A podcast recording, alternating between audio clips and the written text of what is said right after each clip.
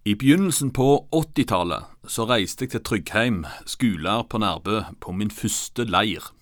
I påsken, og med stor spenning i kroppen, om en aldri så liten heimlengsel.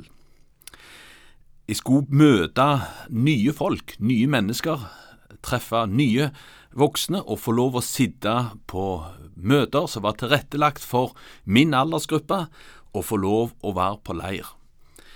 Det ble starten på en lang leirkarriere for min del. Jeg reiste på mange leirer som barn, som ungdom, og nå som voksen så har jeg fått være med som leder på et utall leirer. Jeg reiste fra den leiren med diplom for det fineste, ryddigste rommet.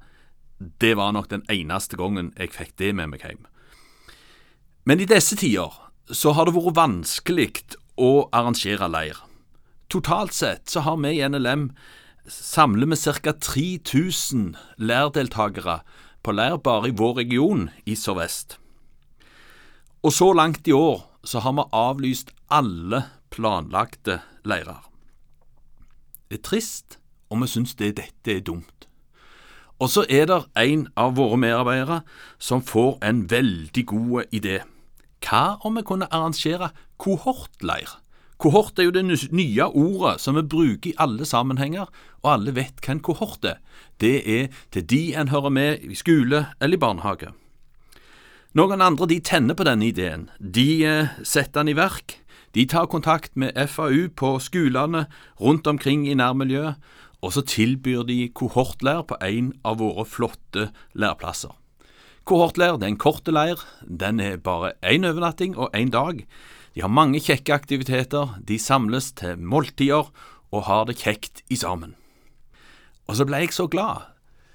På korte tid så fikk vi hele 13 kohortleirer. Og så håper vi det at dette kunne være noe som kunne hjelpe mange barn og ungdom i denne tida. For det å komme sammen oppleve kjekke ting er godt, og så kan vi få lov òg å forstå det viktigste for oss, budskapet om Jesus, Han som kom for oss alle. Og så leste jeg i Bibelen her for ei tid tilbake noe som har gjort meg veldig glad. Og det står i Salme 31, for der står det en setning som sier sånn I di hånd, altså i Guds hånd, så er mine tider. Så får jeg oppleve å være i Guds hånd i hver tid og i denne tida det gir grunn til å være glad.